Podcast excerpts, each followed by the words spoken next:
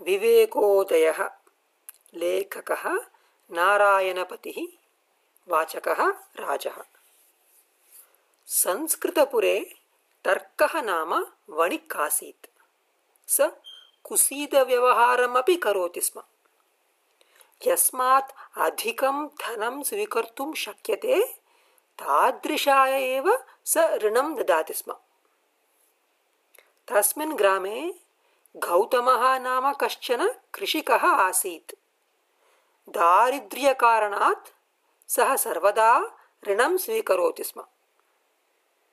एकदा गौतमः तर्कसमीपम् आगत्य उक्तवान् महाशय अहम् इदानीं कष्टपरिस्थितौ पतितः अस्मि।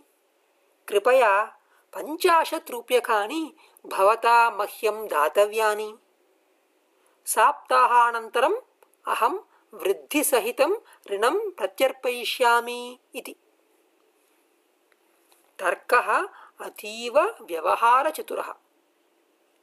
स जानाति यत् गौतमस्य परिस्थितिः शोचनीया अस्ति। एतस्मै ऋणं दत्तं चेत् मूलधनमपि न प्रत्यागमिष्यति इति। अतः स उक्तवान् अद्य प्रातः भवान् एव प्रथमः ग्राहकः।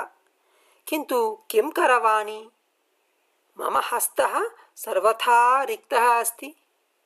एका वराटिका अपि नास्ति मम गृहे इति। पञ्चाशत् रूप्यकाणि दातुमपि तर्कः मयि न विश्वसिति इति गौतमः बहु खेदम् अनुभूतवान् तस्य खेदः कोपरूपेण परिणतः।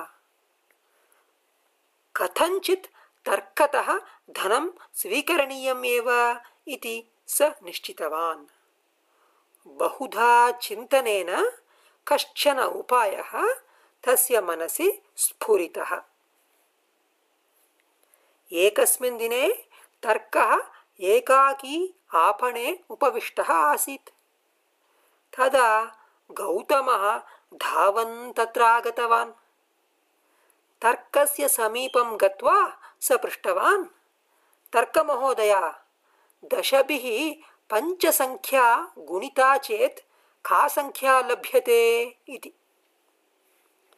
सङ्करणं गुणनं वा अजानन् एषः एवं पृच्छति इति चिन्तयन् तर्कः उक्तवान् पञ्चाशत् इति भवतः बुद्धिः अस्ति किं पञ्चाशत् कथं षष्टिः भवति किल? इति उच्चस्वरेण उक्तवान् गौतमः। पञ्चाशत् इति गौतमः। षष्टिः इति तर्कः च उच्चस्वरेण पुनः पुनः उक्तवन्तौ। तयोः विवादं श्रुत्वा तत्र बहवः सम्मिलितवन्तः।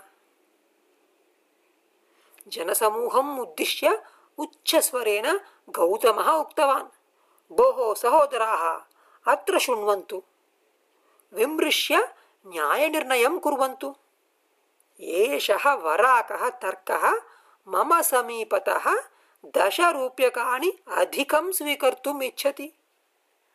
अहम् एतस्य समीपे षष्ठिं रूप्यकाणि न्यासरूपेण स्थापितवान् आसम्।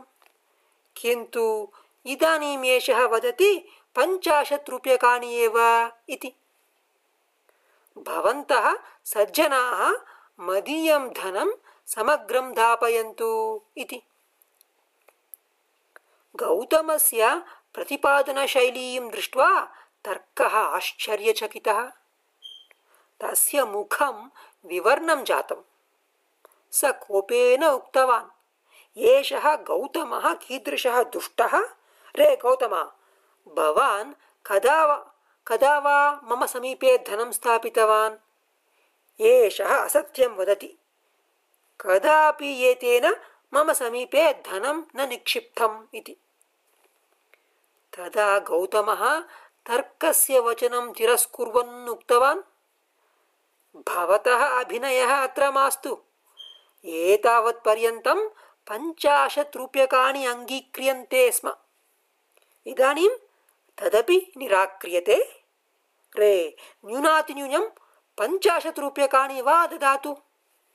इतः परं कदाचिदपि भवत्समीपे धनं न स्थापयिष्यामि इति। गौतमस्य अभिनयः स्वरः च सहजः आसीत्। अतः सर्वे जनाः एतत् सत्यम् इत्येव चिन्तितवन्तः सर्वे मिलित्वा तर्कं तर्जितवन्तः। प्रथमं तु भवान् पञ्चाशत् रूप्यकाणि दातुं सिद्धः आसीत्। एतत्तु अस्माभिः सर्वैः श्रुतम्। अस्माकं पुरतः एव भवान् तावत् दातुमपि न शक्यते इति उक्तवान्। सर्वस्वापहारः तु न उचितः। पञ्चाशत् स्वीकर्तुं गौतमः सिद्धः अस्ति अतः तावत् वा ददातु इति इतोपि विवादः क्रियते चेत् षष्टिः रूप्यकाणि दातव्यानि भवन्ति इति चिन्तनतः तर्कः भीतः सः मौनेन पञ्चाशत् रूप्यकाणि आनीय गौतमाय दत्तवान् यदा धनं प्राप्तं तदा गौतमः उच्चैः हसितवान्। सर्वेषां पुरतः पञ्चविंशतिं रूप्यकाणि तर्काय प्रत्यर्पयन् स उक्तवान्। भवन्तं पाठयितुमेव अहम् एवम् अभिनयं कृतवान्। एतानि पञ्चविंशतिं रूप्यकाणि स्वीकरोतु। अवशिष्टं ऋणरूपेण दत्तम् इति भावयतु। अहं सर्वाणि रूप्यकाणि स्वीकर्तुं शक्नुयामेव। किन्तु कदापि तथा न करोमि। अहं दरिद्रः स्याम् न तु वञ्चकः इति। एतेन प्रसङ्गेन तर्कः अतीव लज्जितः।